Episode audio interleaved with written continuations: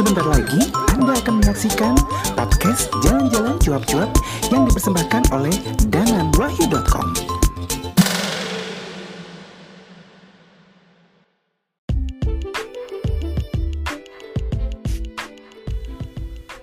Welcome back again to podcast Jalan-Jalan Cuap-Cuap. Dan pasti masih dengan gue, Danan. Dan kali ini gue bakal ngajakin kamu untuk berkelana ke Nepal Sebetulnya perjalanan ini udah lama banget ya Itu sekitar tahun 2013 Gila ya, berapa tahun lalu? 6 tahun lalu gitu.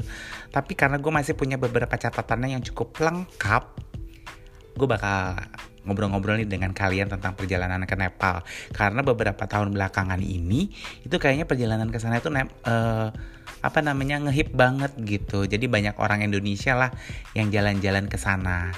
Dulu itu susah banget loh gitu. Jadi gue ke sana juga nggak sengaja. Dengan teman traveling gue ibu-ibu umurnya tuh 50 tahun gitu. Kita gara-gara jalan ke Flores kita kenalan akhirnya dia pengen banget ke Nepal. Tapi nggak ada orang yang mau diajak jalan ke sana. Ya udah akhirnya dia ngajak gue dan kita udah cari travel agent di rencana mau pakai travel agent ya di Indonesia tapi ternyata nggak ada gitu ya. Open trip itu nggak ada. Akhirnya ya udah si teman gue ini namanya Ibu Herlina dia carilah uh, travel agent yang ada di Nepal ya paling nggak itu ngebantuin kita buat cari transportasi buat keliling antar kotanya dengan hotel. Nah, akhirnya kita dapat paket yang gue bilang tuh murah banget. Harga paket tour 6 hari eh 7 hari 6 malam itu 360 USD dolar. Mungkin sekitar 4 juta atau 5 juta gitu. Itu udah termasuk hotel bintang 3 dan itu sudah termasuk kendaraan selama tujuh hari. Murah banget kan gitu. Dan akhirnya kita dapat sih uh, kita akhirnya uh, untuk tiketnya waktu itu sih kita karena belum ada AirAsia kita naik Malaysian Air. Itu dapat di sekitar berapa ya? Lupa gue mungkin sekitar 6 atau 7 lah ya. Gitu dan randonnya tuh kita dapetnya kalau nanti mau kontaknya si ini supirnya kita yang uh, bertugas juga sebagai guide-nya nanti aku akan kasih ya. Kita pakai uh, Kailas Journey. Nah, pertama itu dari pertama kita nyampe di Kathmandu. Udah itu kita stay satu malam. Udah itu besok paginya kita keliling ke Pasupatinan, kemudian Modipat, kebanyakan itu Swambutnat, Temple, Patan Krishna Mandir, Kathmandu uh, Nubar Scare gitu hari ke uh, hari ini ya hari keduanya dan kemudian di hari ketiga kita itu ke mana ke mana temple dan kita juga melewati perjalanan ke Pokhara gitu. Sebenarnya bisa sih dari Kathmandu ke Pokhara ini naik pesawat tapi kita pilih buat uh, naik darat itu sekitar 6 jam gitu. Nah, akhirnya ya udahlah kita sampailah di uh, apa namanya di Pokhara kemudian kita nikmatin kita check in kemudian kita nikmatin uh, sunset di sana gitu. Dan besok pagi-pagi di hari keempat kita ke Sarangkot gitu. Di Pokhara ya itu salah satu spot tertinggi lah di sana untuk menikmati sunrise. Kemudian kita akhirnya juga keliling kota. Nah kebesokan harinya nih di hari kelima kita ke Nagarkot. Nagarkot itu juga uh, ini lebih dingin lagi gitu dari dia kayaknya kalau nggak salah dari sisi selatan. Jadi melihat pegunungan Himalaya dari sisi yang lain gitu. Kita stay satu malam di Nagarkot. Habis itu kita uh, besoknya balik lagi ke Kathmandu. Mestinya sih tour berakhir, tapi kita pilih buat uh, stay satu malam lagi deh di mana? Eh satu malam atau dua malam lah di Kathmandu karena kita mau ikut itu tuh uh, Everest Mountain Fly. Jadi kan ada pesawat yang dia tuh keliling-keliling di keliling di Everest gitu dengan pesawat terbang. Nah kita ngambil paketan itu gitu. Nah jadi apa sih persiapan yang harus dilakukan gitu? Karena waktu itu gue travelingnya lebih kayak ke uh, apa ya budaya gitu kita cuma ngunjungin beberapa temple. Ya sebenarnya persiapan tuh nggak banyak gitu. Jadi kalau gue sebetulnya ini gue juga baru tahu ya begitu gue sampai Pokhara itu kok banyak orang pakai sepatu trekking terus ngobrol-ngobrol lah dengan beberapa traveler dari Malaysia. Dan gue baru tahu ternyata Pokhara itu salah satu jalur trekking yang favorit lah gitu buat wisatawan gitu ya udah gue cuman keliling-keliling tempel doang. Jadi gue sih akhirnya nggak nggak ikutin paket-paket yang buat trekking karena memang tidak siap. Tapi untuk kamu mungkin yang mau niat trekking tapi nggak bawa peralatan atau mungkin perlengkapan di sana bisa beli kok banyak tokonya. Yang baru yang second yang baru yang asli yang baru yang KW yang second juga banyak gitu. Jadi don't worry lah dan Oh iya, uh, jadi waktu itu sih paket tour itu nawarinnya kalau dari Indonesia sekitar 1000. Akhirnya kita dapat cuma 3500 gila yang murah ya, sepertiga ya. Jadi kita tahu lah keuntungan berapa travel agent travel agent itu. Tapi wajar lah ya mereka kan juga bayar guide dan sebagainya. Nah untuk tiket gue dapat di tadi di sekitar 6 sampai 9 juta. Tapi karena sekarang ada Air Asia gue rasa itu jauh lebih murah. Apalagi ada yang promo mungkin dapat ya kayak temen gue kayaknya pernah dapetin yang 3 juta pulang pergi. Is okay lah gitu. Dan untuk makanan sih uh, di Nepal itu relatif murah gitu. Dan kalau makanan yang halal banget uh, agak susah kali ya carinya ya. Tapi gue rasa sih karena sempet nemuin masjid di Durbar Square itu di Kathmandu Nah kayaknya di lingkungan situ tuh banyak banget yang namanya uh, makanan halal di daerah masjid ada daerah masjid lah gitu. Nah untuk pakaian sih waktu itu kan gue bulan April, jadi itu masuknya sih musim-musim kering gitu. Jadi pakaian juga nggak terlalu yang tebel, tapi ternyata malam tuh dingin banget gitu, apalagi pagi. Ya gue cuma bawa jaket, kemudian kupluk, sarung tangan dan standar sih nggak terlalu yang uh, ekstrim gue juga masih pakai sandal gunung dan kaos kaki. Karena gue nggak berencana buat trekking. Kalau gue trekking mungkin bajunya akan beda lagi yang gue beli ya gitu. Kemudian oh iya untuk ke Nepal itu visa uh, on arrival jadi kita datang langsung mengajukan visa itu harganya sekitar 25 US dollar. Itu berlakunya 15 hari aja. Dan untuk penginapan sih aduh gila ya kalau penginapan gue pikir di sini murah banget gitu apalagi kalau lo di Kathmandunya itu gitu. Gue pikir murah banget lah di situ karena kita dapat penginapan yang cuma 100 ribuan gitu dan itu udah kamar mandi dalam. Oke banget kan gitu. Untuk telepon dan internet ada Ensel dan itu juga nggak mahal gitu. Kita total pemakaian pulsa selama satu minggu cuma 10 ribu waktu itu ya tapi gue nggak tahu sekarang berapa. Dan kebanyakan kalau di daerah turis di Temel itu di Kathmandu itu udah kayak hutan wifi. Jadi di mana mana itu ada wifi gratis. Dan gue pikir kalau lo cuma di Temel aja kayaknya lo nggak butuh uh, kuota gitu karena banyak internet gratis. Dan mata uang kalau mata uang sih waktu itu cuman 110 rupiah satu Nepal rupiah murah banget ya gitu. Dan waktu itu oh ya kita ngambil mountain fly. Itu mountain fly yang gue bilang pesawat itu tuh sekitar 170 dolar. Lumayan ya gitu. Nah sekarang ini yang agak-agak lumayan mahalnya itu ini kayaknya kayak kayak di India gitu deh.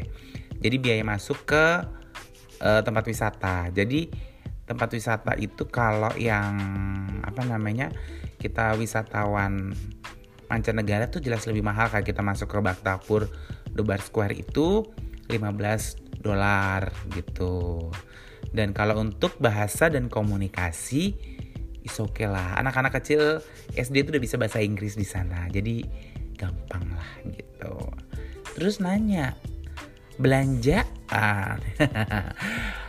nah, kalau belanja di sana itu murah banget gitu. Jadi kalau kamu pengen belanja peralatan outdoor atau mungkin baju-baju yang unik-unik gitu ala-ala Nepal murah sih gue beli kupluk tuh cuma 10 ribuan gitu 10 ribu atau 20 ribu lah kupluk yang rajut yang bagus gitu dan kalau tanya sebenarnya kapan sih momen paling tepat buat ke Nepal? Itu antara bulan Oktober sama November karena di luar bulan itu biasanya langitnya warnanya keabu-abuan. Gitu. Nah terserah kamu sih. Maunya di bulan apa? Gitu. Udah itu kita bakal ngobrol apa lagi nih? Ntar ya. Oh yang mengintip Gunung Everest itu. Jadi kita itu kan temen gue sebenarnya ngajakin naik helikopter. 5000 USD gila ya berapa tuh sekarang? Eh uh, mungkin sekitar 70 juta ya. Gue nggak tahu deh. Jadi itu kalau kita naik helikopter kita bisa berhenti di Mount Everest di atas gitu ya. Tapi akhirnya kita milih yang 170 aja kali ya Nah, jadi itu budgetnya mungkin sekitar 150-an dolar lah gitu. Kita keliling sih cari yang paling murah karena ada beberapa operator yang menyediakan paket Mountain Fly itu.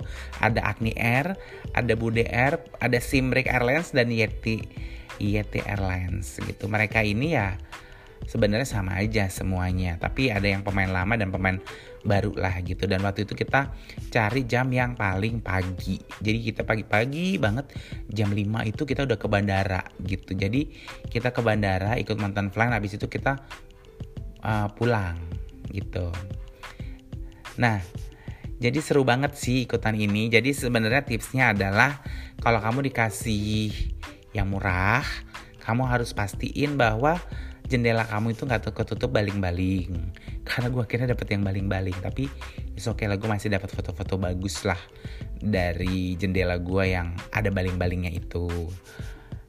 Udah itu kalau di Kathmandu itu sebenarnya banyak objek wisata. Seru sih kalau di Kathmandu karena uh, untuk jalan kaki ya. Salah satu favorit gue adalah apa namanya Garden of Dream gitu. Jadi ini kayak taman pada waktu itu kan sebetulnya kayak masih musim-musim panas jatuhnya. Jadi banyak nih bule-bule yang memang gogoleran di rumput gitu buat baca-baca buku, buat berjemur gitu. Terus kita juga di Pohara. Di Pohara itu kan ada danaunya juga. Itu lengkap banget sih sebenarnya kalau di situ kamu juga mau apa tuh beberapa olahraga uh, mungkin para layang itu juga oke di situ. Kemudian apalagi ya itu loh uh, olahraga yang agak-agak ekstrim banyak pilihannya sih. Kalau di daerah arung jeram atau apa pun gitu. Ya pinter-pinter aja cari operatornya. Jadi uh, keliling lah gitu. Jadi mungkin tipsnya sebelum kamu melakukan aktivitas sediakan waktu buat keliling membandingkan satu dengan yang lainnya gitu. Dan kalau untuk makanan gimana rasanya? Makanan sih kebanyakan mungkin hampir agak-agak mirip India sih gitu. Dan ada yogurt yogurt gitu kemudian ada kari kari gitu tapi nggak terlalu India banget. Dan mungkin untuk kamu yang nggak eh, nggak uh, terlalu suka agak susah nih buat makan makanan yang beraroma rempah yang kuat ya mungkin bisa tipsnya adalah membawa makanan dari Indonesia kayak teman gue jadi teman gue itu kan pernah si Bu Herlina ini pernah jalan ke India dan dia sama sekali nggak bisa makan makanan India akhirnya sampai sakit lah pas ngetrip. Makanya begitu dia masuk dia ke Nepal tuh kayak trauma. Akhirnya dia udah nan gue kayaknya bawa makanan sendiri. Tapi ternyata begitu sampai Nepal makanannya masih oke okay, dia bilang. Nggak terlalu kuat bumbu-bumbu rempahnya gitu. Itu untuk hotel yang tadi gue bilang itu juga tergolong murah gitu. Murahnya kenapa? Ya lo tadi 100 ribu tuh udah dapat hotel kamar di dalam gitu guest house guest house gitu. Dia itu tempat lain wajib tuh lain selain flower garden yaitu uh, Durbarmar itu kalau gue bilang Durbarmar itu kayak Manhattannya Kathmandu lah gitu daerah kawasan premium dan eksklusif di situ.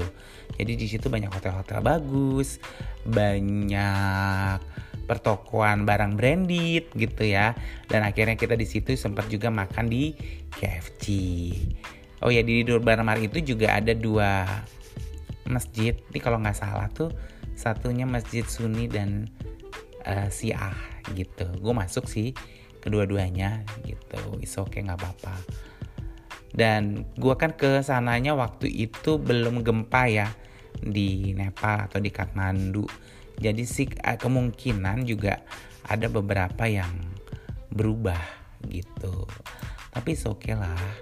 Pokoknya kalau di Nepal itu tempatnya juga nggak terlalu mahal gitu bisa lah buat backpacking. Backpacking juga masih oke. Okay.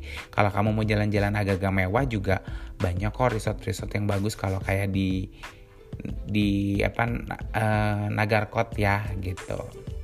Yang satu-satu eh yang salah satu yang agak kalau gue sih bukan serem ya tapi agak mistis yaitu Pasupatinan. Jadi di situ tuh kayak tempat kremasi gitulah. Kayak ada sungai mirip-mirip Gangga mungkin ya ada sungai-sungai yang dianggap suci gitu dan orang memandikan jenazah di situ gitu. ada Monkey Temple juga. Kita lebih banyak ke temple sih sebenarnya.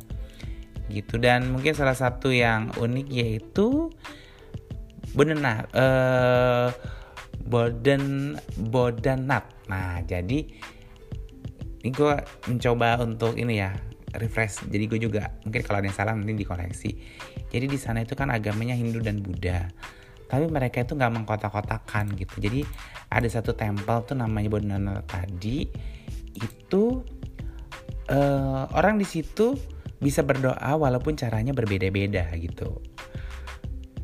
Ada videonya sih. Gue pas di Nepal emang banyak kan videonya. Tapi videonya nggak terlalu profesional ya masih video-video amatir gitu. Kalau nggak salah waktu itu gue juga masih pakai ponsel lah gitu.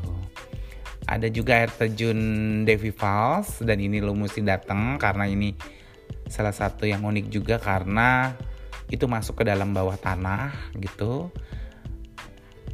Pokoknya Nepal seru gitu. Dan next time mungkin gue kalau ke Nepal akan balik lagi untuk trekking atau bersepeda gitu. Jadi nikmatin alamnya lah dengan dengan aktivitas outdoor ya karena memang kebanyakan orang ke sana itu adalah salah satu aktivitas outdoor gitu. Kayak beberapa temen gua yang mereka apa namanya uh, trekking ke jalur-jalur panjang yang bisa yang ada ada saljunya gitu dan bisa seminggu lima hari gitu. Gue sih kayaknya akan berpikir dua kali lah gitu karena cara itu tidak hanya membutuhkan kesiapan uh, materi aja tapi fisiknya juga mentalnya juga. Ketika kita di atas itu yang namanya oksigen itu akan menipis. Kalau kita nggak punya fisik yang prima bahaya banget gitu. Jadi oh ya jadi ada cerita. Jadi uh, sebelum itu kan memang tempatnya posisinya tinggi ya Nepal.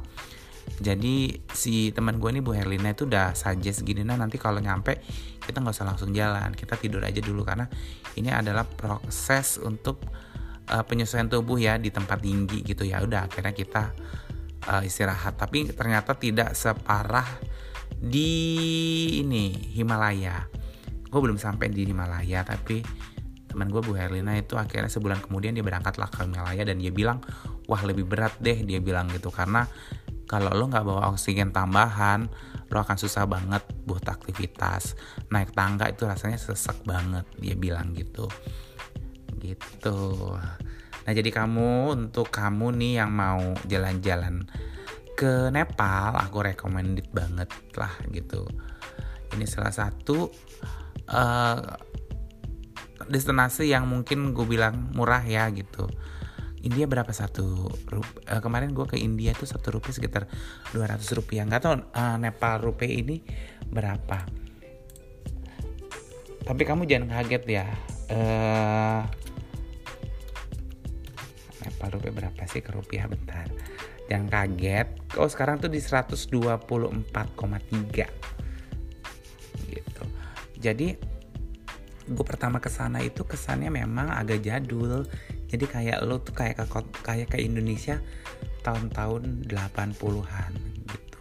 Ya 80-an lah. Jadi kan gue ngob uh, sempat ngobrol ya dengan si guide-nya ini. Kebetulan yang seru itu adalah si guide-nya ini ngajakin anaknya kalau nggak salah waktu itu umurnya 14 tahun ya. Oke dia umurnya 14 tahun waktu itu kayak masih SMP SMP gitu. Dan cewek kan anaknya gitu. Jadi si anaknya juga nggak pemalu. Jadi dia tuh ngebantu kayak si orang tuanya buat ngegait lah gitu. Mencoba bahasa Inggrisnya dia juga lah gitu ke kita. Nah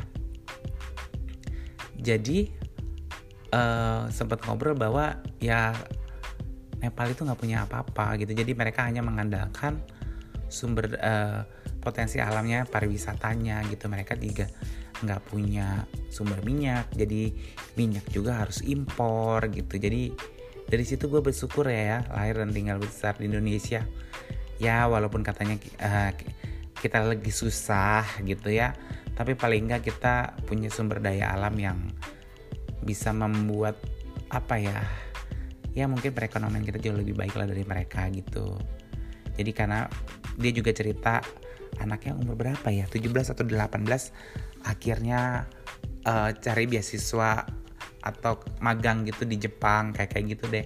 Jadi memang dia bilang kalau mau maju orang Nepal itu harus keluar dari apa dari negaranya gitu. Karena itu juga yang akan memberikan kesempatan kepada mereka dan membuka wawasan mereka.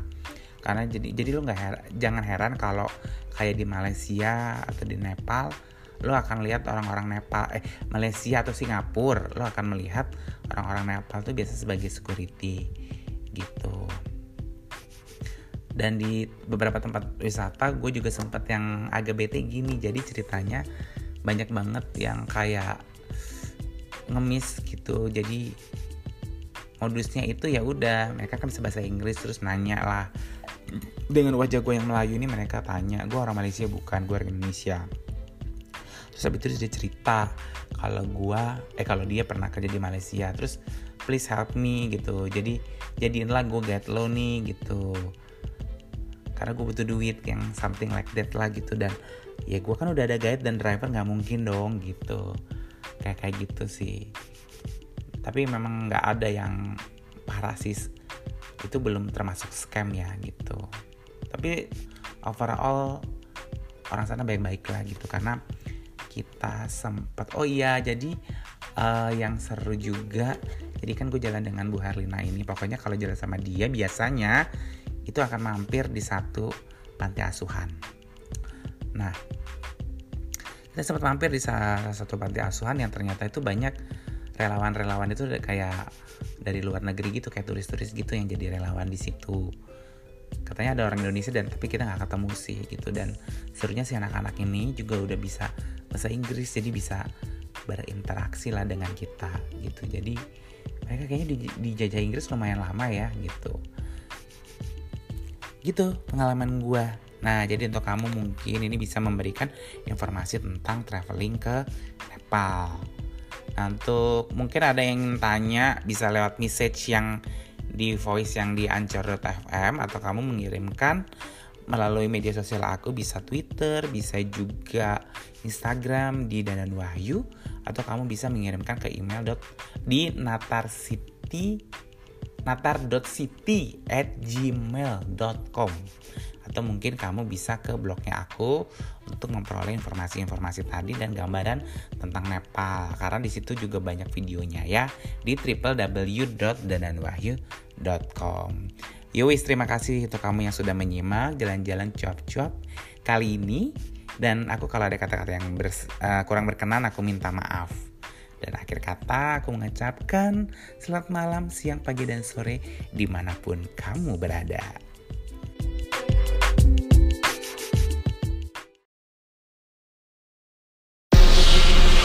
Podcast Jalan-Jalan Cuap-Cuap. Podcast Jalan-Jalan Cuap-Cuap